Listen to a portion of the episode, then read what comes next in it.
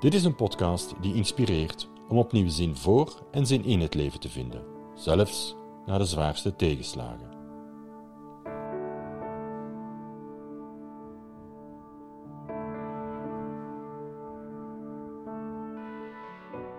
Zelfliefde, maar dat is eigenlijk weer, ik ben niet goed genoeg. Ja, maar die- laten we daar dan maar eens... Ah, wel, maar zelfliefde is zo cruciaal. Je kan niet iemand anders lief hebben of liefde voelen dat je terugkrijgt van iemand als je niet van jezelf houdt.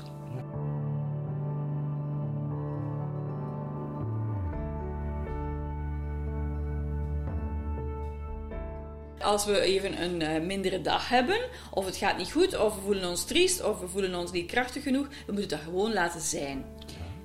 En dat klinkt zo eenvoudig, maar dat is net wat mensen niet goed kunnen. Ik ook niet, hè?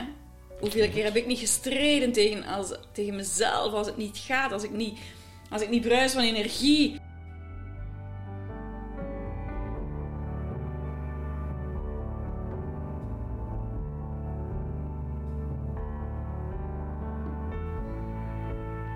Je luistert naar Geluk na zelfmoord, een podcast over bewust kiezen voor geluk.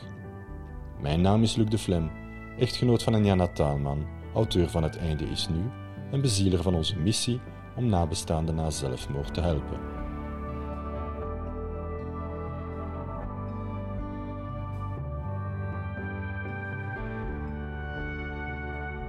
De weg naar gelukkig zijn is bezaaid met grote en kleine hindernissen maar ook met ogenblikken waarop je belangrijke beslissingen neemt en voor je uitmaakt te leven conform die beslissingen. Anjana wist dat ze ooit het verleden zou moeten loslaten op haar pad naar gelukkig zijn. Zeven jaar lang heeft ze, verbonden met haar verleden, gewerkt aan transformatie, aan het bouwen van een basis om anderen te kunnen helpen uit hun eigen verleden te geraken, op pad naar hun keuze om weer gelukkig zijn toe te laten en te omarmen. Op dat pad ligt een belangrijke hindernis. Cruciaal om verder te geraken, en dat is het verleden op een zeker ogenblik aanvaarden en omarmen. Hoe dat zich voor jou uit, kan alleen jij bepalen of voelen. Voor haar betekent het dat ze het verhaal nu ook moet laten zijn wat het is: het verhaal van haar verleden. En dat dit elke week weer herlezen, verder gaan uiteindelijk onmogelijk maakt. Haar verhaal kennen is noodzakelijk om het heden te begrijpen om de afgelegde weg te kunnen tonen aan wie van daaruit zijn eigen pad wil vinden. Maar dat betekent niet meer dat ze daar zelf dagdagelijks wil, kan of moet ingrijpen. Er is een zeer groot verschil tussen door de pijn gaan om ervan te leren wat de toekomst nodig heeft en het verleden eindeloos blijven herbeleven, waardoor alleen jij nog mateloos gepijnigd wordt door dat verleden. Dit is zonder twijfel een van de grootste hindernissen op je pad. Er zijn er nog. Daarvan hebben we vorige week enkele aangehaald, waaronder woede en angst, maar niet zonder die eerste hindernissen reeds te maken tot bondgenoten in ons verhaal. Vandaag gaan we daarmee verder. We bekijken samen welke andere grote kloven we over moeten en over zullen gaan om elke dag een grote stap dichter bij ons doel te komen. Elk van ons heeft natuurlijk zijn eigen uitdagingen en we zullen ze zeker niet allemaal aanhalen. Ook daarom kan je ons steeds je eigen ervaring delen op de ondertussen gekende mailadressen. Anjana.geluknazelfmoord.com Luc.geluknazelfmoord.com of team.geluknazelfmoord.com Welke ook jouw challenges zijn. Een eerste vraag die ons zal helpen is vinden wat we uit die challenges kunnen leren. Ik zeg niet dat we ze op ons pad krijgen om er iets uit te leren. Ik zeg alleen dat gezien we ze dan toch op ons pad krijgen, we er best iets kunnen uitleren. En weet je, al was het alleen maar omdat het alternatief alleen maar pijnlijk is. If you focus on hurt, you will continue to suffer. If you focus on the lesson, you will continue to grow.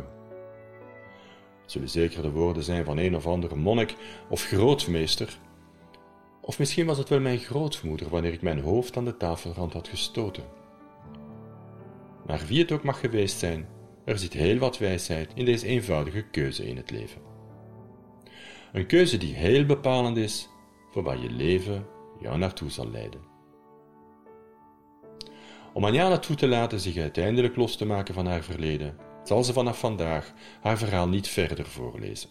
en focussen we ons op de gesprekken die we samen met haar voeren over haar ervaring en hoe ze er uiteindelijk van losgeraakt is om ons voor te gaan op het pad naar gelukkig zijn weer toelaten en finaal te omarmen.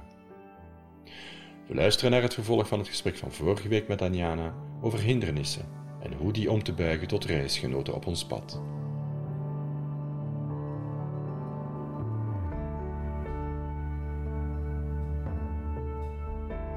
Een van de hindernissen om ergens voor te gaan is de overtuiging waar je mee kan zitten dat, het, uh, dat je het niet waard bent. Je bent het niet waard om, en je hebt dan, geef me maar eender welk doel, uh, om een bepaalde functie te krijgen, om een bepaald geluk te, te, te, te hebben. Je, je verdient het niet, je bent het niet waard.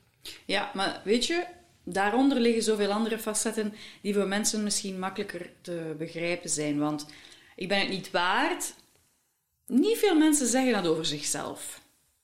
Maar wat ze wel zeggen, ik kan dat niet. Of uh, iemand anders is beter dan mij en die gaat die job krijgen. Of ik ben niet slim genoeg, iemand anders is slimmer. Okay. Die moet meer uh, aan het woord komen. Dus, ja. En dat is, eigenlijk, dat is eigenlijk wat onder de koepel ik ben, niet, ik ben het niet waard ligt. Ja. Maar ik denk niet dat veel mensen dat van zichzelf zeggen. Ja. Maar het, het is allemaal een expressie van hetzelfde waardeschaal waarin we ons niet bovenaan zetten. Natuurlijk, want okay. het is net wel dat wat mensen voelen. Hè? Ik denk dat het niet waardig zijn en ik ben niet goed genoeg zijn een van de meest universele problematieken is in de mensheid. Nu, zonder, zonder uh, daar een overdreven voorbeeld uit te willen halen, ik heb mij ook altijd wel ingezet om. Hoe moet ik het gaan zeggen?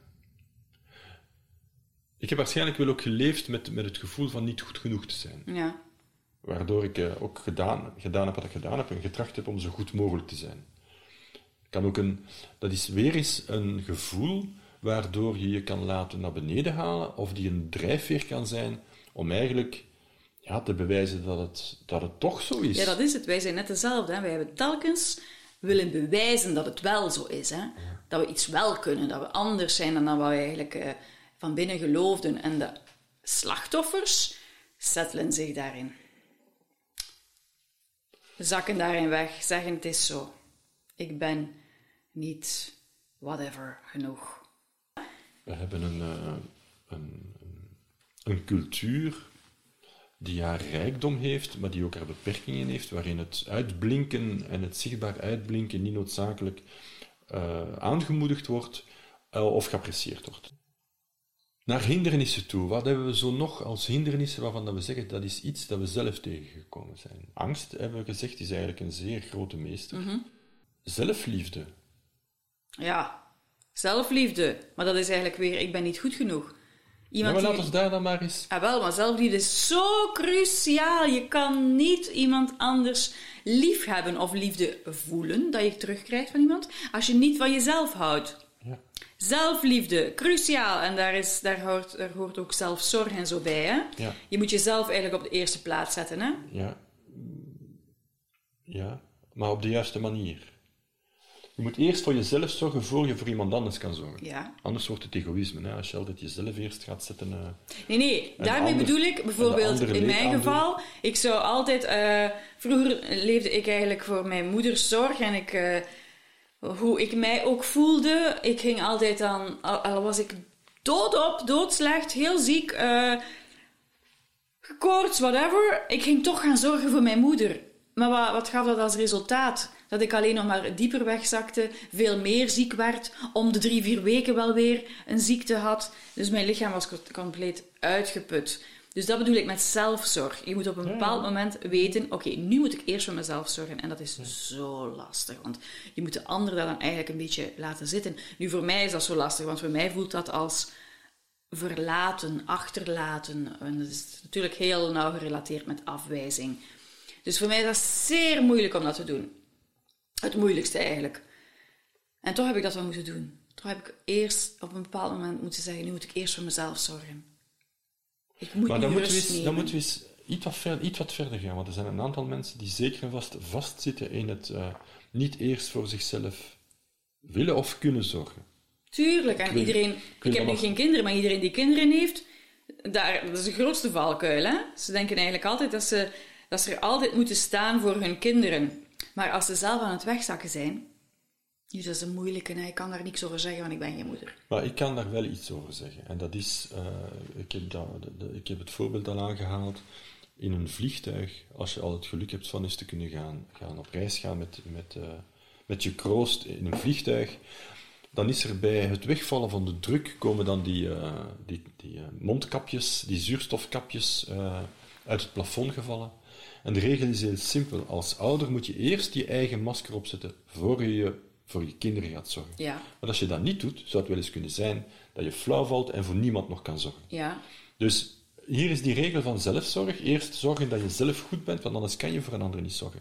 Is fundamenteel. We hebben dat zelfs in het leiderschapsmodel gestoken in de bedrijfswereld. Je moet eerst een goede leider voor jezelf zijn, vooraleer je een goede leider voor een ander kan zijn. Nu, dat klinkt allemaal heel makkelijk. Ook van die mondkapjes, hè, dat doe je in een fractie van een seconde, maar dat is wel iets waar je eigenlijk levenslang bewust moet van zijn. Hè? Ja. Maar dat is dus- de moeilijkheid tussen de nuance van zelfzorg en egoïsme. Er is een, dat is een fijne lijn, hè? Dat is een fijne lijn. En daar ook zijn wij opgevoed, of de meesten onder ons zijn opgevoed, niet egoïstisch te zijn. Egoïsme is niet mooi, dat is een vies woord. Dus wat is dan de juiste grens tussen zelfzorg en egoïsme? Ik zou het ook niet weten, maar je moet inderdaad... Je kan niet... Ik ga het anders uitdrukken. Je kan niet van iemand anders of voor iemand anders zorgen als je zelf niet goed bent. Nee? Dan ga je eigenlijk samen in dat, in zwarte putje gaan zitten. Dat gaat niet helpen, hè, voor geen een van de twee. Ja, dat is waarschijnlijk ook een hindernis om een aantal zaken te willen en te durven gaan doen. Ja, natuurlijk, maar het komt weer op. Dat is dus zelfliefde hangt heel nauw samen, of is misschien wel hetzelfde als ik ben niet goed genoeg. Want dat is het eigenlijk. Ja, als je goed genoeg bent, hou je van jezelf. En zelfliefde gaat ook over zelfwaardering, zelferkenning. Uh, als je constant zegt van jezelf wat je allemaal niet kan, of waar je niet goed in bent, Allee, dan, dan is dat toch letterlijk zeggen van ik hou niet van mezelf. Ik hou niet van hoe ik ben. Maar je bent het wel, hè? Je zal het moeten verdomme aanvaarden hoe je bent in dit leven. Want anders ga je nooit van jezelf houden. Iedereen heeft heel veel positieve facetten. Die negatieve facetten zijn er eigenlijk gekomen door onze ja, indoctrinaties, overtuigingen die we onszelf ja, als leugens inlepelen. We hebben nu al voldoende uh, malen tegengekomen. Er, er zijn geen negatieve facetten. Nee, dus voilà. Ik, ik, denk dat we daar moeten mee opletten. Allee, ik vind dat altijd interessant, omdat men makkelijk... Men zegt dan, uh, wat zijn je kwaliteiten en wat zijn je gebreken. Hè? Ik heb liever van te praten of de vraag te stellen, wat zijn je kwaliteiten en wat zijn je kwaliteiten. En de ene kwaliteit gebruik je op één manier en de andere kwaliteit gebruik je op een andere manier. Ja. Dat is trouwens het interessante aan het model van Hofman, want elke kwaliteit heeft ook zijn valkuil. En ik ben ooit omgekeerd vanuit de valkuil iemand gaan zoeken, omdat ik de kwaliteit die daarachter zit, op een uiterst extreme manier nodig had. Ik had ja, iemand dat moet nodig. met een voorbeeld, denk ik. Ja, maar ik ga, het, ga het uitleggen. Ik had iemand nodig die uiterst secuur een tekst zou gaan nalezen. Iemand die de komma die ontbreekt zou gaan vinden. En daarvoor heb je eigenlijk iemand nodig die ongelooflijk... Beetje precies. Beetje precies is, pietluttig. Geef me nog zo wat van die uh... beschrijvingen negatieve beschrijvingen, maar niemand die zo, ja, een, een zeurpiet, uh, nooit goed genoeg, uh, zal altijd wel nog iets, een opmerking vinden om te maken. En daarmee heb ik alle, alle valkuilen van zo'n persoon beschreven. En ik ben dus echt letterlijk zo iemand gaan zoeken, die zo overkwam. En ik ben die gaan zeggen... die eigenlijk altijd... Ja, echt een, ja, die overkomt als een zeurpiet, want hij heeft wel altijd een opmerking te maken. Er is altijd wel iets dat niet goed is. En ik ben zo iemand gaan zoeken omdat ik iemand nodig had die de laatste, het laatste foutje zou kunnen gaan vinden in iets waar ik, waar ik mee bezig was. Dus als we over kwaliteiten en over zogenaamde gebreken gaan kijken, dan kan je ook omgekeerd zo'n zogenaamd gebrek gaan gebruiken om te gaan kijken waarvan dit de valkuil is, omdat iemand iets wat te ver gegaan is in zijn kwaliteit. En dan wordt eigenlijk, als je, als je het zo aanpakt, verdwijnt het gebrek, want je kijkt alleen nog naar die kwaliteit die je dan extreem nodig hebt. Juist. Dat is eigenlijk ook naar mensen toe. Ik zeg niet dat alles bij mensen uh, aanvaardbaar is en dat, dat wanneer mensen dus inderdaad over een bepaalde lijn gaan, je eender moet aanvaarden. Uh, maar het is wel zo dat wat wij doorgaans als kwaliteiten en gebreken uh, zien bij mensen, dat het ook dikwijls volstaat om dat even anders te bekijken, om daar dan... ja, mooie kwaliteiten te gaan. Ik zou kunnen zeggen dat jij koppig bent, maar dat is helemaal niet Ik zo. ben niet koppig. Jij bent volhardend. Zeer volhardend. Maar ziet, dat is ook zo. Ik Ja. weet, als je volhardend zegt, dat is juist. Als je koppig zegt, dat is niet juist. Ja, maar koppig is waarschijnlijk de valkuil van volharding. Ja. Dus als iemand overkomt als koppig, Dan is dat Zou je eens moeten gaan kijken, is dat extreem niet- volhardend geweest is nee, nee, is dat niet mijn, mijn minder volhardend zijn dat jou als koppig bestempelt, zodanig dat jouw volharding mij niet in de schaduw zet. Ah ja, dat is ook juist. Want als ik jou volhardend noem en ik ben minder volhardend, ja, dan ben, ik, dan ben ik niet waar ik zou kunnen zijn. Maar als ik jou koppig noem, dan ben ik gewoon volhardend. En ben jij over de grens koppig. Zo zit dat. Nu hebben we het door. Beste luisteraar, dit zal je niet horen, want ik ga dit absoluut niet publiek maken. Of misschien wel. Dat zou nog een leuke zijn. Vind je het niet? Nee. Goed. Jawel. Veel kans voor dat hij erin zit. Dat mag. Ja. Dus dat is eigenlijk hoe, hoe we met, met zoveel kunnen omgaan. En, allee, ik zou, Ja, ik heb want waarom een- is dat nu toch zo moeilijk om in plaats van te zeggen ik ben niet mm, genoeg, waarom zeggen ze een keer niet in zin van ik ben wel mm, genoeg? Welk woordje daar ook in steekt, hè? Ja? Ja, iedereen heeft talent.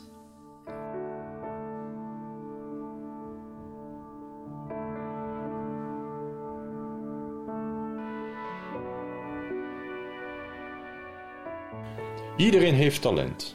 Iedereen zit boordevol talent. Maar zoals iemand ooit zei, als je een vis beoordeelt op hoe goed hij kan vliegen, zal je hem niet noodzakelijk erg motiveren. En is dat niet wat we altijd dikwijls met onszelf doen? Als ik mezelf zou beoordelen op mijn kwaliteiten als model voor haarproducten, dan zal een zekere ontmoediging me overvallen. Of zal eerder een eindeloze ontmoediging me zeker overvallen. Maar als het gaat om zoveel andere zaken, dan gaat het al heel wat beter. Herken jij dit? De uitdrukking van de splinter in het oog van de ander zien, maar niet de balk in ons eigen oog, is die ook niet omgekeerd in de realiteit? En misschien zelfs een veel grotere realiteit? Zien we soms niet zo gemakkelijk in wat en hoeveel anderen beter zijn dan wij, waarmee we onszelf weer naar beneden halen, omdat we het toch niet waard zijn, omdat wij minder waard zouden zijn? Zegt men niet, zelfzorg is een ander woord voor egoïsme en zelfliefde maakt ons tot de ergste narcist? Of is er meer aan de gang? Heel wat meer. Het verhaal van de zuurstofmaskers in een vliegtuig is een uiterst concreet voorbeeld. En misschien zelfs een mooie metafoor voor het leven. Als je niet eerst voor jezelf zorgt, als je niet eerst instaat voor je eigen groei, hoe zou je dan voor anderen kunnen zorgen? Maar ongeacht wat je ermee gaat doen, zelfzorg hoeft er niet eens te zijn omdat je voor anderen moet of wil zorgen. Maar ik weet ook wel dat, als dit een van jouw hindernissen is, dat ik je niet zal overtuigen door je een eindeloos aantal maal te zeggen dat je wel kwaliteiten hebt en dat je het wel waard bent om voor jezelf te zorgen. Maar laten we dan even een eindje omwandelen met die meneer Hofman, waarover we het hebben tijdens het gesprek. Je hebt misschien door de jaren heen de overtuiging laten groeien dat je misschien, ja, en hier moet je dan zelf je woord of woorden invullen, maar ik ga het voorbeeld nemen uit het gesprek dat je een zeurpiet bent. Misschien vindt men jou inderdaad een zeurpiet. Wel, zeurpiet is de valkuil van precisie en perfectiegedrevenheid. Laten we dus al beginnen met de juiste bewoording te gebruiken. Je bent geen zeurpiet, je bent overdreven precies. En laat ons nu even de koppigheid van Anjana erbij halen. Het is niet omdat ik minder volhardend ben dan Anjana dat mijn imperfectie op dat vlak haar koppig maakt. Evenzeer maakt het feit dat iemand jou een zeurpiet vindt omdat hij heel wat minder precies is dan jij, van jou nog helemaal geen zeurpiet. Sommigen zullen mij zelfs als heel naïef bestempelen, met onze mooie verhalen en zo. Wel, het vervult me met heel wat droefenis voor wie daar zo van overtuigd door het leven moet gaan. Want misschien is mijn naïviteit wel een voor hem overdreven verzet tegen het cynisme of sarcasme in onze wereld, tegen de eenzijdige interesse vooral wat materieel succes nastreven ondersteunt in een steeds minder menselijke maatschappij. Maar gelukkig zijn is een keuze. En ook dat is al een hele uitdaging als vertrekpunt. Laat jou niet de mening van anderen opdringen. Daar ben je te goed voor. Dat betekent dat we eerst van de stempels die anderen op ons drukken en de mening die ons jarenlang ingepompt werd, of de overtuiging die de onze is geworden door wat we beleefd hebben, af moeten. Of beter nog, moeten omarmen. Wat als naïef zijn een voor anderen althans overdreven geloof in elkaar is. Een overdreven, nog steeds voor anderen, geloof in het houden van elkaar. Een overdreven voor de derde keer, geloof dat we allemaal woordenvol talent zitten, dat alleen maar vraagt om zich te mogen uiten. Wel, dan ben ik heel erg gelukkig dat ik naïef ben, tenminste in de ogen van al wie dat naïef zijn vindt. Maar wat geldt voor mijn naïviteit, geldt voor zoveel in het leven. Wat is de stempel die men graag op jouw voorhoofd drukt? Haal die maar even boven. Draai hem om en kijk wat er op de voorzijde van die stempel als waardevolle kwaliteit staat. Dat is wie je bent. Dat is wie je echt bent. Dat andere is alleen maar de manier waarop anderen jou bekijken, die veel minder met die kwaliteit begaafd zijn. Maar laat ons nu al niet onmiddellijk te streng worden voor hen. Knipoog. Er zijn nog verhalen waar we wijzer kunnen door worden. We luisteren even verder.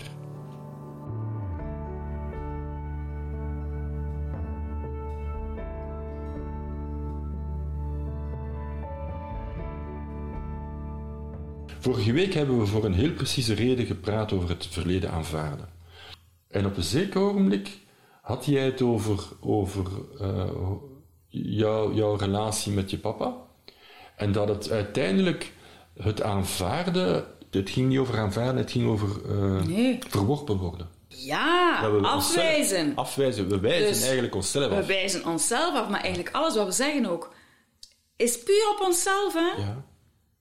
Maar vandaar dat dus het, het, het verleden aanvaarden, is eigenlijk ook, komt dan eigenlijk op, op onszelf aanvaarden. Wat je daarnet zei, van, in plaats van te zeggen van ik ben daar of daar of daar niet goed, niet goed genoeg in, uh, kan je even goed zeggen, daar en daar en daar ben ik dan vandaag zo goed in als ik ben mhm. en ik ga daarop verder bouwen. Ja, zo van, en dat is ook goed, wat het nu is, dat is ook goed. Maar dat, dat betekent dat weerstanden die we tegenkomen, ja, die mogen er ook zijn.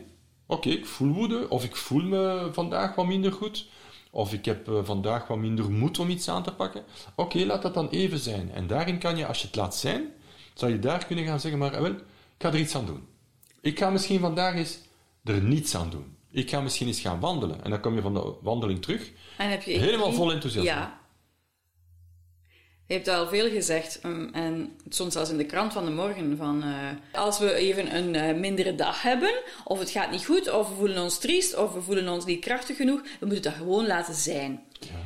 En dat klinkt zo eenvoudig, maar dat is net wat mensen niet goed kunnen. Ik ook niet, hè? Hoeveel keer heb ik niet gestreden tegen, als, tegen mezelf als het niet gaat, als ik niet, als ik niet bruis van energie, dan vind ik mij, oh, vond ik mij verschrikkelijk, maar nu laat ik dat al veel meer toe. En zeg je, en zoals, zoals ja, gisteren nog, ik zakte zo wat weg in, uh, op energieniveau. En dan hebben we gezegd, ja, we gaan nu gewoon gaan wandelen, want ik kan nu toch niks doen. We kunnen niet gaan schrijven, we kunnen niet de opname voor de podcast doen, we kunnen dat en dat en dat niet doen. Het enige dat we nu kunnen doen, is alles loslaten, hier achterlaten, gaan wandelen. En we zijn ook teruggekomen en hebben gezegd, maar dit was het beste dat we konden doen. Ja, er is altijd iets goed dat je kan doen. Ja. En niets wij gebruiken het woordje niets voor iets dat zo belangrijk is. Ja, dat is het. En dat is even rusten, Je denkt dan dat je niets doet, maar dat is net eigenlijk veel doen. Je zorgt voor jezelf. Als je moe bent, moet je gewoon even rusten. Je moet niet uh, jezelf gaan... Er zijn bijvoorbeeld mensen die, die zeggen dan... Ah, maar dat gaat niet, het is midden in de dag, je kan nu toch niet een dutje doen of zo. Maar waarom niet? Eigenlijk, eigenlijk houden ze niet van zichzelf, want ze, ze gaan niet mee met de flauw van hoe het leven eigenlijk toont wat ze nodig hebben. Ik sta elke dag, elke dag op om 5 uur 30. Ja. En als ik in de namiddag even een, een, een dipje heb, dan ben ik 20 minuutjes weg. Ja. En na 20 minuutjes ben ik er weer helemaal Dat is het. En dat is wat je moet kunnen aanvaarden. En dan gaat die flow. Het is eigenlijk eigenaardig, want we hebben een gigantische leermeester om dat toe te laten. Hè? Ons lichaam. de natuur. Wat is de winter? De winter is niet een periode waarin er niets Ja. is. De winter is een periode waarin de natuur even de dingen tot rust laat komen, om dan in de lente weer uit te bloeien. Ja. Gewoon omdat het, ja, dat is nu eenmaal het, het levensritme. En wij willen dan maar van s morgens tot s avonds en van 1 januari tot, tot 31 december en van 31 december tot 1 januari, want dat is Altijd constant heel- even actief altijd zijn. even actief zijn. Evenveel oogsten. Voilà. Maar dat gaat niet. Ja, Ja, in dat is juist. van dat is inderdaad even te laten. En dat is dan ook de opbouw van carrières. Ik, eh, ik vind het absurd. Dus het is allemaal één rechte lijn, in plaats van met blokken van een aantal jaar, een aantal jaar dat doen, en dan is even rusten, en dan een aantal jaren dat doen. Ja. Dus het moet zo allemaal zo één rechte lijn die Ja. uitgetekend geweest is. Ik herinner me dat ik op mijn zes- op mijn 26e zei tegen mezelf, maar wat ga ik doen als ik 40 ben? Goh. En je denkt dan inderdaad in de, zin, in de lijn van, oh my, moet ik hier in het bedrijfsleven blijven? En wat ga ik allemaal doen? Hoeveel promoties ga ik wel moeten hebben om tot aan mijn 60 door te gaan? Maar zo zit het leven niet in elkaar. Dat is niet eh, nee, zo zit Wie het niet weet wat dat wij binnen vijf jaar doen? Ja. Maar dat is wel hoe wij denken dat het moet zijn. En we moeten op dat lijntje blijven en we moeten op dat pad blijven. Ja. Eh, je hebt het zelf genoeg gezegd. Ik had mijn plan uitgetekend. Een van de, de grootste weerstanden die ik gehad heb, dat is, ik had mijn plan uitgetekend. Verdomme. Wat ben jij mij komen lastigvallen? Eh, dat was allemaal gepland en dat staat allemaal perfect. En ik was perfect op, het, op de lijn van mijn plan. Hè. Ik had mijn plan uitgetekend en ik ging mij daaraan houden. Ja, maar wat betekent dat allemaal? Ja. Ik, ben, ik ben nu alles behalve mijn plan aan het volgen, maar ik heb mij nooit zo goed gevoeld. Exact. Er is misschien nog eentje. smaak. Ja, er is misschien nog eentje. Maar die misschien ook weer terug te halen is tot zelfliefde, tot ik ben niet goed genoeg. En dat is vertrouwen in onszelf. Misschien dat we iets niet meer durven aanpakken, omdat we er onvoldoende vertrouwen in hebben dat we er gaan in slagen. Nee, vertrouwen in jezelf is een andere kracht dan zelfliefde. Het verleden heeft me geleerd, eh, ik heb dat al te dikwijls, te dikwijls trachten te bereiken en eh, nee, dat is echt niets voor mij. Ik bedoel, ik Ja. ga er niet in slagen. Dus hoe gaan we om wanneer iemand een transformatie niet wil doen, wanneer iemand een doelstelling niet wil nastreven omdat hij onvoldoende vertrouwen heeft in zichzelf? Ik kan daar niet op antwoorden. Want ik heb altijd vertrouwen gehad in mezelf. Dat is, dat is zelfs eigenlijk mijn ultieme drijfveer. Ja, dan Dus ik kan er daar eigenlijk niet op antwoorden. Want het enige wat ik eigenlijk daarop te zeggen heb is van... Ik versta dat niet, hè? Ja. Waarom dat mensen nu niet meer vertrouwen hebben in zichzelf. Maar vertrouwen voor mij is wel die, een andere oerkracht dan zelfliefde. Dat is een oerkracht. Die, die zit in iedereen, maar die moet dus inderdaad tot leven kunnen komen. Of, ja, ik weet het niet. Maar ik heb dat altijd gehad. Ik heb zelfs altijd gezegd, ja, als ik niet in mijn eigen geloof, wie gaat het hier dan doen? Want niemand anders doet het, hè? Jij nu. Jij. Maar, en mijn moeder. En mijn vader. Ja. Die hebben eigenlijk altijd geloofd in mij. Ik ben er 100% van overtuigd dat mijn ouders altijd in mij geloofd hebben. Dat dat niet betekent dat ik mij... Dat ik... Ja, maar jij hebt toch ook altijd in jezelf geloofd? Anders kun je toch geen CEO worden? Ja, maar het is wel zo... Ik heb dat als doelstelling gesteld. Heel vroeg. Bij, van bij het begin van mijn, van mijn eh, hogere studies herinner ik mij dat ik een... eh, de, de afdeling psychologie moest bij de, bij de zomerstudenten, dus in het laatste jaar humaniora, kon je een zomercursus aan de UNIF gaan volgen, om te leren wat het, wat het universitaire leven was. Het was de, de zomer tussen het voorlaatste en het laatste jaar middelbaar. Oh my god. Ja, dat was... En dan kon je het gedurende een week op de universiteit gaan, gaan rondhossen en wat leren, wat leren weten wat, wat eh, het leven daar was. En wij werden dan als, als ja, groep eh, kuikentjes eh, geconfronteerd met psychologiestudenten die een psychologisch onderzoek moesten doen. En die vroegen naar, waarom heb je deze studies, waarom doe je deze studies? En ik heb toen al gezegd, ik wil dus eigenlijk CEO worden. En die heeft dat ook gevraagd. Waarom en zo, ik heb dat allemaal zitten uitleggen. Het is nu niet dat ik daar elke dag mee bezig geweest ben. Dus ik denk dat een deel van het probleem van vertrouwen ook opgelost kan worden, en dat heb ik jou gezegd, door niet de hele berg van de komende honderd jaar naar vandaag te halen. Ja. Maar toch, het vertrouwen moet er wel eerst zijn. Ja, maar Allee, wist Je- jij dan dat je dat zou worden? Ik wou dat gewoon doen. En ik Ja, heb maar je wou dat doen, gevraagd. dat is een verschil. Er zijn twee vragen die ik mij niet gesteld heb. Dat is... eh, wat is dat? Nee! Nee, ik had geen flauw idee wat dat, wat dat was. En twee, ik heb mij ook nooit afgevraagd hoe ik het zou doen. Ik heb gewoon, en dat is wat ik wil toekomen, ik heb gewoon ervoor gezorgd dat waar ik mee, waar ik mee bezig was, dat ik dat zo goed mogelijk deed. Want als je alles dat je doet, als er zijn twee dingen. Als je de, de juiste richting uitgaat, als je naar, naar IJsland wil en je wil daar te voet naartoe, dan kan je zeggen, je gaat er nooit geraken. Maar laat ons al zeggen, als je naar het noorden aan het wandelen gaat en je zegt, vandaag ga ik gewoon wandelen wat ik vandaag kan wandelen, dan ben je vanavond al korter bij je doel. Als je zegt, ik ga naar IJsland wandelen, en vooral als je dat aan iemand rond jou vertelt, die gaat zeggen, dat is gewoon onmogelijk. Niemand heeft dat ooit gedaan. En het is waarschijnlijk, net zoals we vorige week zeiden, omdat niemand daar ooit in geslaagd is, dat is geen reden waarom het niet mogelijk is. Voilà. Dus dat is eigenlijk wa- wat ik wil zeggen. Voor mij is dat, dat probleem van vertrouwen, van ga ik dat aankunnen, ook een probleem van, je moet niet alle problemen van de toekomst naar vandaag toe halen en die vandaag intellectueel of gevoelsmatig al overwinnen. En dat Nee, heb ik jou ook al gezegd. Ik heb zelf jij, met zoveel vertrouwen, heb ik jou ook al gezegd van, maar haal de problemen van de komende honderd jaar niet naar Nee. vandaag, want dan is dat een onoverkomelijke berg. Maar dat is net wat ik ging zeggen. Dus bijvoorbeeld... Ik weet dat er hier iets gaat gebeuren met onze verhalen, met, met de boeken. Dat, is, dat kan niet anders. Dat is gewoon dat is een inherent weten. Juist gelijk dat ik wist dat wij voor elkaar voorbestemd waren en dat we wel samen zouden komen. Dus ik weet dat. En toch inderdaad is dat zo van, hoe, hoe, want ik weet totaal niet hoe. En momenteel lijkt er niets op dat, dat het die richting uitgaat. Eh, en toch, I know. Dus voor mij is dat vertrouwen, dat is een echt zeker zijn als je, je, als je die angsten opzij zet. Zodra je, zodra je angsten toelaat, ja, komen er twijfels op. En dat gaat toch niet gaan. En begin je alles te rationaliseren en te overdenken.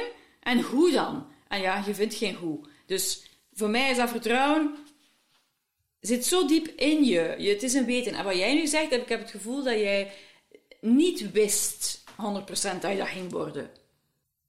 En eigenlijk moet je Ik heb nooit de- iets niet gedaan omdat ik er geen vertrouwen in had. Bijvoorbeeld, ik ben introvert. Dat is duidelijk, dat is duidelijk. Ik vind mijn energie meer in mezelf dan in contacten met anderen. Ook het naar buiten brengen van wat ik te vertellen heb, eh, mensen zullen het zonder mijn verhaal ook wel, wel kunnen doen. Nee, Dat is ondertussen zeer sterk veranderd. inderdaad. Nu, Dat was vroeger eigenlijk ook al zo, Olivier. Je bent het nummer één van het bedrijf. Jij, Ja, maar jij nee, ik ga nog veel verder naar achter. Ah, ik ga nog veel verder naar achter. Ik was toen diensthoofd en er kwam een nieuwe Amerikaanse wetgeving uit die eh, enorm veel impact ging hebben op de Amerikaanse bedrijven in, in eh, Europa en België. En vermits wij de groepsverzekering van die eh, ondernemingen deden en dat die boekhoudkundige nieuwe wetgeving daarop toegepast zou moeten worden, betekende dat ook voor ons heel belangrijk, iets heel belangrijk. En iemand moest dat onderzoeken en iemand moest daar dan aan de collega's les over geven. Dat was absoluut mijn specialiteit niet. En voor een zaal gaan staan had ik nog nooit gedaan. En ik heb mij daar als kandidaat gesteld, omdat ik zeg, als ik ooit dat doel wil be- bereiken, Moet moet ik voor een zaal durven staan. En de enige manier om het te durven, is van het te doen. En ik heb het dus gewoon gedaan. Zie je, maar het is voor mij meer... Je hebt een actieplan uitgebouwd en inderdaad in je hoofd... Dat was geen actieplan. Dat, dat is nu niet dat ik, dat ik aan het zoeken was naar, ik moet hier nu gaan praten. Er komt een opportuniteit naar jou toe. En die ligt eigenlijk op het pad waar je naartoe wil. En je zegt, ik ga die grijpen. Ja.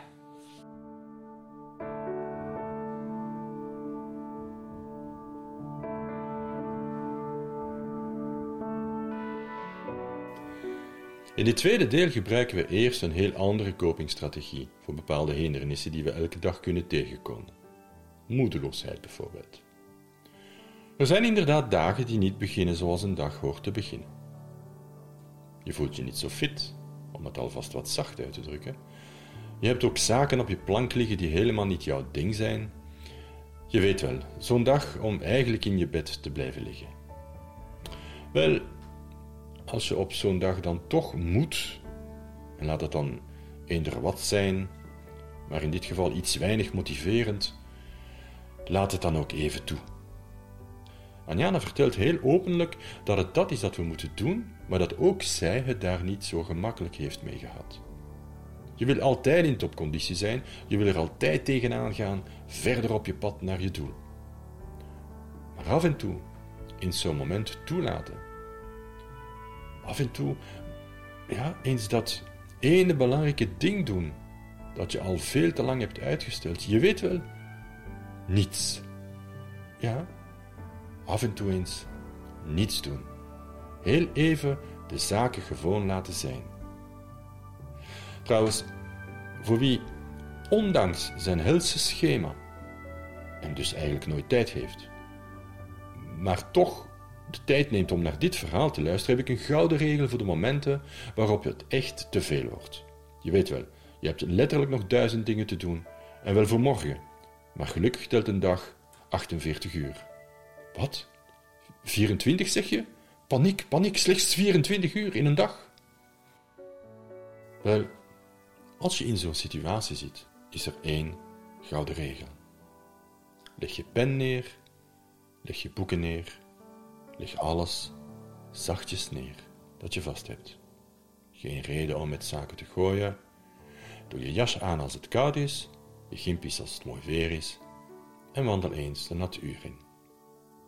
Neem een uurtje. Ja, zelfs al zijn er maar 24. Er zullen er daarna nog 23 overblijven. Neem een uurtje en volg even mijn logica, want je enige vijand nu is jouw logica. Ik heb te veel werk om dat klaar te krijgen in die tijd die ik heb, dus moet ik zonder nog te ademen, want dan verlies ik weer uiterlijke seconde, doorwerken tot ik erbij neerval. Logisch, nee? Inderdaad. Nee. Als de berg werk die voor je ligt, torenhoog troont boven de weinige uren die je ervoor hebt, dan heb je allicht meer aan volgend verhaal. Stel je even voor, je wandelt in de natuur alleen. En de vraag komt in je op of al wat op je bord ligt wel echt zo dringend is. Laat me je even een geheim verklappen uit de businesswereld. Niet elk verslag dat jij schrijft wordt gelezen. Verschrikkelijk, ik weet het. En dat is niet het enige. Niet elke verplichting die je jezelf oplegt is nodig om je waarde te bewijzen. Je bent trouwens zoveel meer waard dan alleen die lange ritszaken die je dagdagelijks afhandelt. De reden waarom iemand van je houdt, is omdat jij jij bent. Niet omdat je in 24 uur tijd het werk van een hele week verzet. Misschien zelfs dat het iets wat andersom werkt. Misschien dat je nog meer zou stralen als je jezelf iets wat tijd zou gunnen om te genieten van een mooi moment in je dag. En wat wij dus zo graag niets doen noemen, is een van die waardevolle momenten in de dag, waarop we de dag even zichzelf laten zijn, om er even van te profiteren, om ook onszelf te zijn. Gewoon, zomaar. Wanneer het me echt te veel werd in het bedrijf, en ik heb heel wat helse jaren meegemaakt, dan ging ik naar het park wat verder. Ik nam dan een broodje en een drankje mee en zette me gewoon op een bank, om even te beseffen dat het leven ook mooi is. Om even te kijken hoe onze grote leermeester, de natuur, me toonde wat de belangrijke prioriteit van het moment was. Wat verder in het gesprek wordt het allemaal misschien wat concreet en misschien wat te veel gebonden aan onze eigen belevenis en verhaal. Maar ik laat het ook maar in deze aflevering staan, omdat ik denk dat ze voorbeelden zijn van hindernissen die we allemaal tegenkomen. Misschien heb je wel een droom. Misschien is die wel waar je je elke dag voor wil inzetten. Maar misschien ligt hij zo ver weg dat je de moed niet vindt om er wat aan te doen. Wel, dat is het allerbeste moment voor die reis naar IJsland. Natuurlijk zal je daar niet in één dag geraken en misschien dat één dag doorstappen je amper dichterbij brengt. Wel, onthoud dan deze andere waarheid die we reeds aangehaald hebben. We overschatten inderdaad dikwijls wat we kunnen bereiken op korte termijn, maar we onderschatten vooral wat we op langere termijn wel kunnen. Het eerste is de bron van zoveel demotivatie. Het tweede is de ijzersterke basis voor het zelfvertrouwen dat je mag hebben in jezelf. Want als je langzaam maar zeker elke dag een stap zet in de juiste richting, dan kom je er gegarandeerd. En dan nog een klein geheimpje. Persoonlijk addendum aan die grootste filosofische gedachte van daarnet. Als ik die dag dan de stap van de dag gezet heb, in die juiste richting, dan kom ik de rest van de dag door zonder dat gezeur in mijn hoofd van ik kom er nooit en het zal nooit lukken. Dan gonst het in mijn hoofd en hart van weer een stap gezet, weer een dag dichter bij mijn doel. En kom ik de rest van de dag op een zalige manier door. Gelukkig zijn weer toelaten en durven omarmen zou wel eens kunnen beginnen met een broodje gaan eten op een bank in het park. En die ene monstergrote hindernis, die berg uit de toekomst, die grote hoe-vraag, even laten waar die thuis hoort, in die toekomst. Vandaag alleen dat stukje van de weg, die opportuniteit die juist dan voorbij komt en die ik grijp, waar ik dan ook nog dankzij die aanpak nog kan van genieten. We luisteren nog naar de twee laatste fragmenten uit het gesprek over hindernissen. Beide gaan over zelfvertrouwen, een van de belangrijkste hindernissen in een mensenleven op weg naar je levensdoel.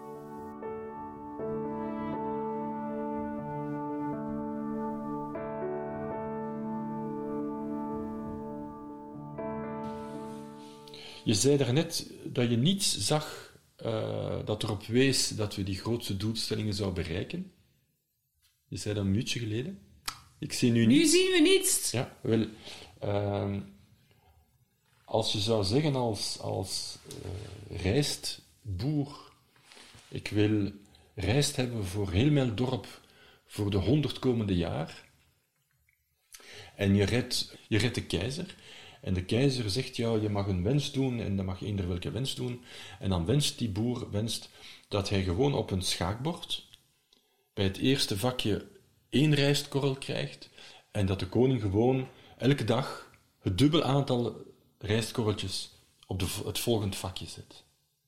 Als je op vakje 8 komt, want er zijn 8 vakjes in een uh, schaakbord, dan heb je 128 rijstkorreltjes.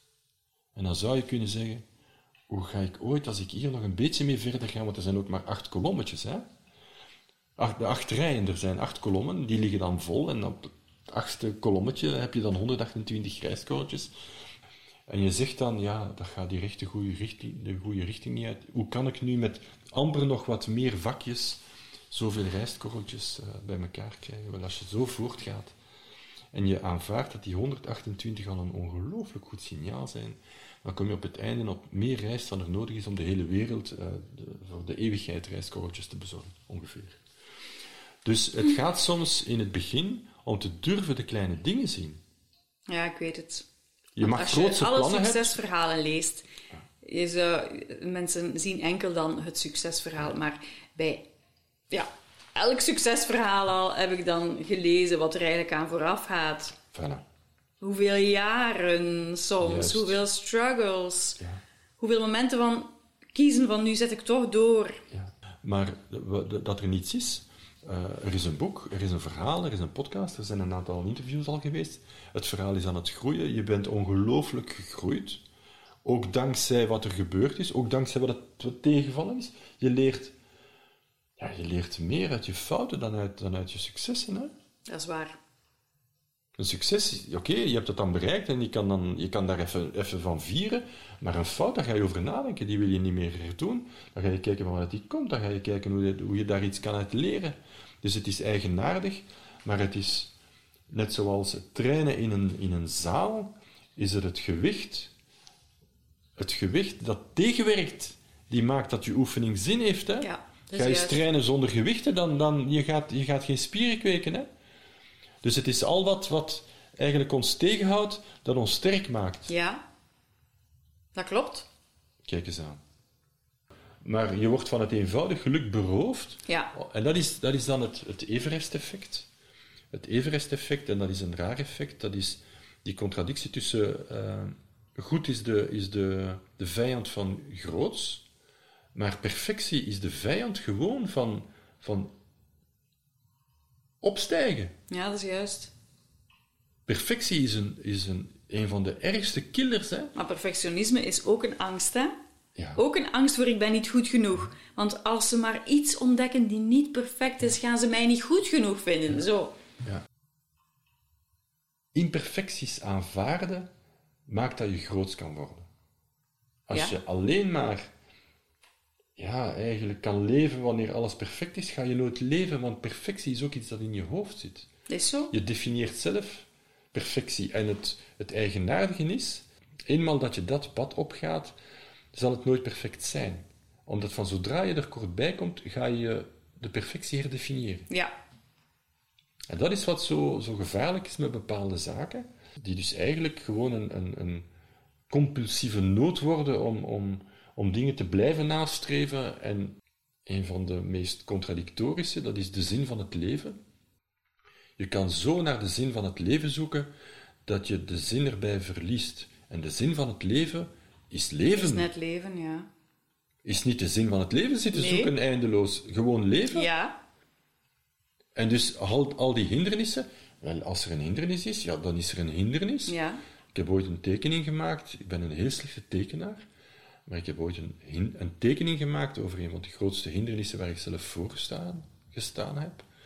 Een huizenhoge muur, en als ik een paar stappen achteruit zet, dan is er naast die muur zijn er ontelbare paadjes, is er natuur, zijn er bomen, eh, en dan zie je de muur op een zeker ogenblik niet meer.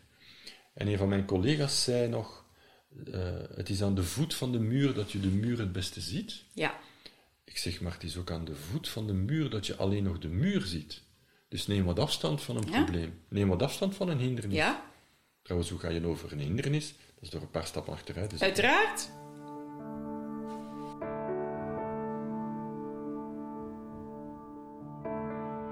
Hoe kunnen ze nu meer vertrouwen krijgen? Hoe kunnen ze nu hun angsten lossen? Dus we hebben eigenlijk gewoon de problemen naar, eh, ja, in de picture gezet. we hebben hier live een volledige transformatie gehad van iets dat je misselijk maakte tot iets dat je energie gegeven heeft. En daar gaat het gewoon over. Neem, wat je, wat je, neem de hindernis die je tegenkomt, laat die even zijn, aanvaard dat die er is. Ga dan eens kijken wat je daarmee kan aanvangen. En daarop, daarop ga je dan bouwen. Want dat vertrouwen, hoe, hoe, het is cruciaal. Wel- maar hoe, hoe leer je iemand dat ze moeten vertrouwen hebben in zichzelf? Heel eenvoudig. Heel eenvoudig. Door eerlijk met jezelf te zijn. Want als je al tot hier geraakt bent, dan betekent dat je al een heleboel zaken gerealiseerd hebt. En ga dus niet kijken naar wat je niet gerealiseerd hebt, maar ga dan eens eerlijk kijken naar wat je wel gerealiseerd hebt. Dat is wat ik ook zei aan degene die ons... Er zijn een aantal mensen die, die binnen het uur dat ik de podcast post, die podcast beluisteren. Ik zou, het interesseert mij echt om, om, om eh, ook van, de, van, van al wie naar ons luistert, reacties te krijgen. Ofwel op team at geluk na zelfmoord, ofwel op eh Anjana of Luc at eh, geluk na zelfmoord.com als je het meer eh, persoonlijk wil maken, de boodschap. Eh, om te weten wat, wat het brengt. Je bent hier Maar al dus, geraakt. je bent hier al geraakt. En dat is ook wat dat ik wil, wil aan, aan, aan iedereen zeggen. Dat is, ook dat is gelukwensen waard. Ik zeg niet dat alle problemen achter de rug zijn. Wij, overvliegen hier in, in een beperkt aantal afleveringen, op een beperkt aantal eh, weken, overvliegen we eigenlijk zeven jaar werk van jou. Dus je kan moeilijk verwachten dat iedereen in die zeven weken ja, de synthese van zeven jaar van jouw werk zou afgelegd hebben. Iedereen is op een verschillend punt be- begonnen. Iedereen haalt daaruit wat hij zelf daar wil uithalen.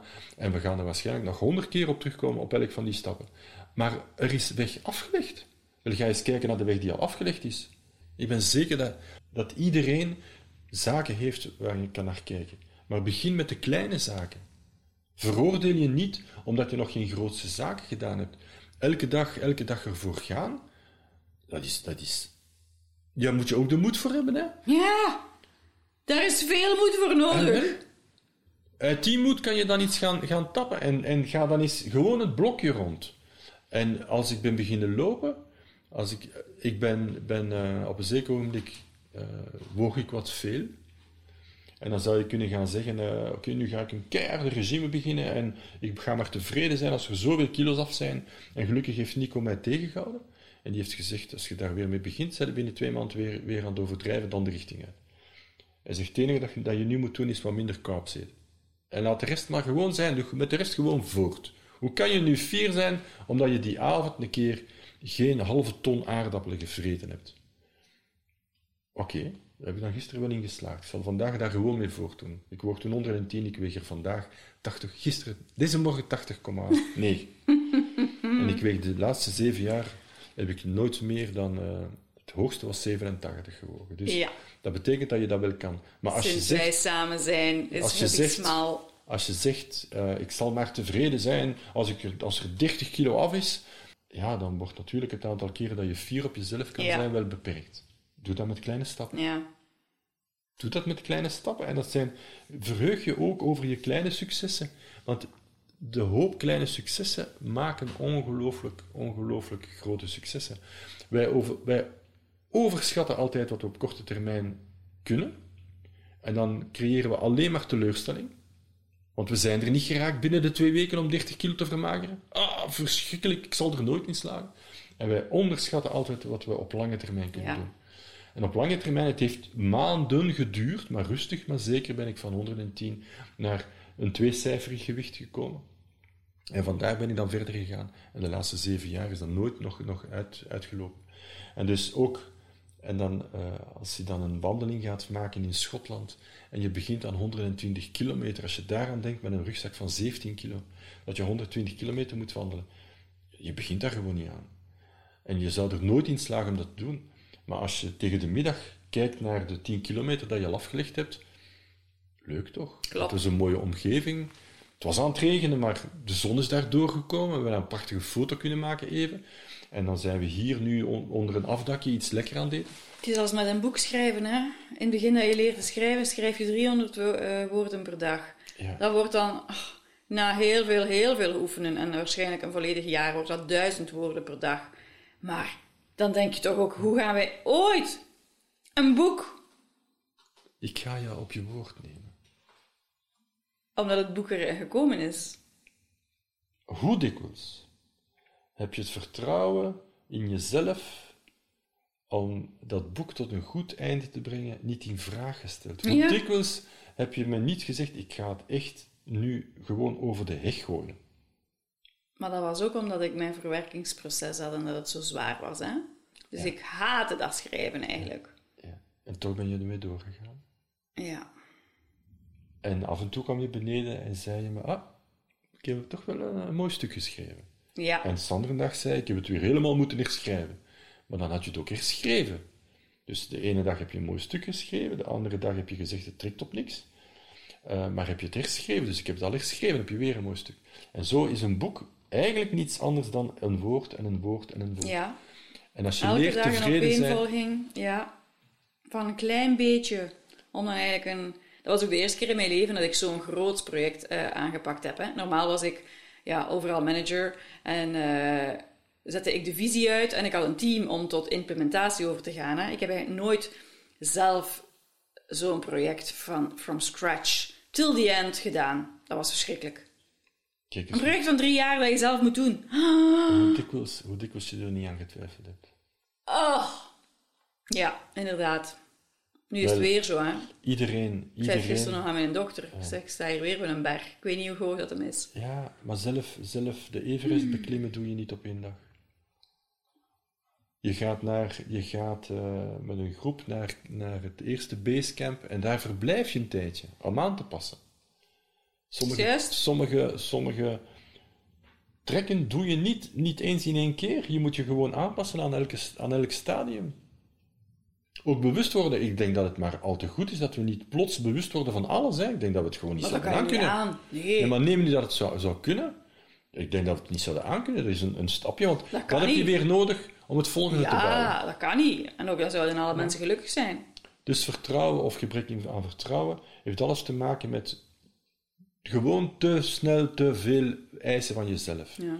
En ga gewoon eens, ga gewoon eens, ja, ga gewoon eens wandelen. Ik had gisteren absoluut geen zin om te gaan wandelen, maar ik ken dat gevoel. En dat weerhoudt me niet om te gaan wandelen. Want je zou kunnen zeggen, ja, ik heb weer geen zin om te gaan wandelen, ik ga niet wandelen. Ik ken dat gevoel, ik weet wat dat betekent en ik laat dat ook zijn. Oké, ik heb vandaag geen zin, ik ga mijn schoenen al aandoen, we gaan al een hapje nemen, een tasje thee, want dat vind ik wel leuk. Dus ik zorg dat waar ik geen zin voor heb, ingepakt wordt in een mooi verhaaltje, met ons theekannetje en, en een hapje, of twee hapjes. Hè? Je weet dat ik af en toe eens een hapje meer eet dan. Wel, En dan maakt de rest dan weer mogelijk. En, zo creëer je- over- En nu gaan we gaan eten.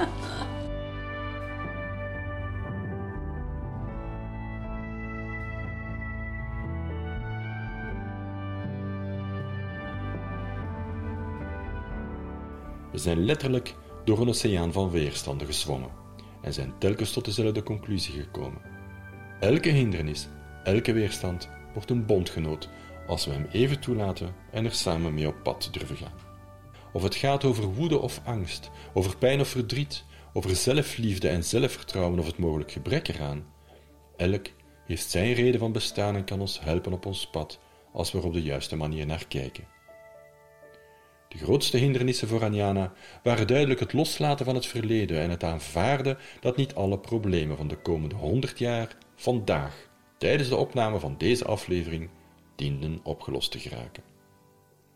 Een van de belangrijkste lessen die ik ondertussen geleerd heb is inderdaad deze. We overschatten dikwijls wat we kunnen bereiken op korte termijn, maar we onderschatten vooral wat we op lange termijn wel kunnen.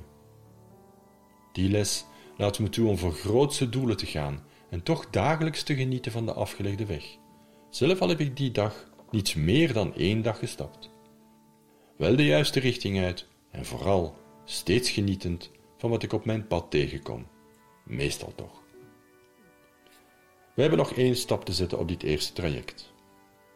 Het pad naar gelukkig zijn weer toelaten en omarmen zal nog een laatste verrassende wending nemen. En dat ontdekken we volgende week samen met Anjana. We zijn aan deze podcast begonnen omdat Anjana een bijzondere bijdrage wou leveren voor al wie van zijn eigen verleden verlost wil geraken, om weer op pad te gaan naar gelukkig zijn toelaten en uiteindelijk omarmen. Dat dit zou betekenen dat zij zelf tijdens het maken van de podcast nog tot uitdagende bewustwordingen zou komen, was zeker niet gepland. Maar we weten nu ook dat het leven is wat ons overkomt wanneer we onze zorgvuldig gemaakte plannen durven loslaten. En dit betekent geenszins dat we onze doelen moeten opgeven, wel dat het pad er naartoe soms eigenaardige zijwegen neemt. Het voorlezen van haar boek leek in het begin essentieel om haar verhaal te begrijpen. Maar het wordt uiteindelijk een even belangrijke noodzaak om juist dat lezen te lossen, omdat het niet alleen het verleden vertegenwoordigt, maar het ook telkens doet herbeleven. En zo de grootste hindernis wordt om haar toe te laten ons te blijven voorgaan op onze kweesten naar het geluk weer toelaten en omarmen. Ik kan je verzekeren dat deze beslissing niet makkelijk genomen werd, maar dat sindsdien de laatste ketenen die haar weerhielden vrij te komen van haar verleden, vervangen zijn door de belevenis van een liefdevol herinneren en zorgden voor de levensnoodzakelijke inspiratie voor het vervolg van haar verhaal. Maar dat horen we volgende week van haarzelf. Laat de aflevering van vandaag je inspireren om ook van jouw weerstanden of hindernissen bondgenoten te maken en doorheen deze week te genieten van een rustgevende groei. We horen elkaar volgende donderdag en zoals altijd bij het kriekje van de dag.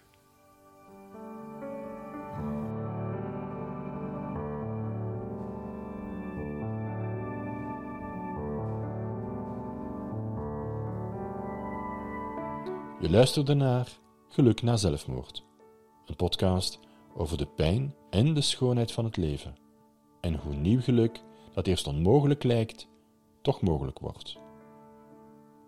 Bedankt voor het luisteren, het gaat je goed en tot volgende week.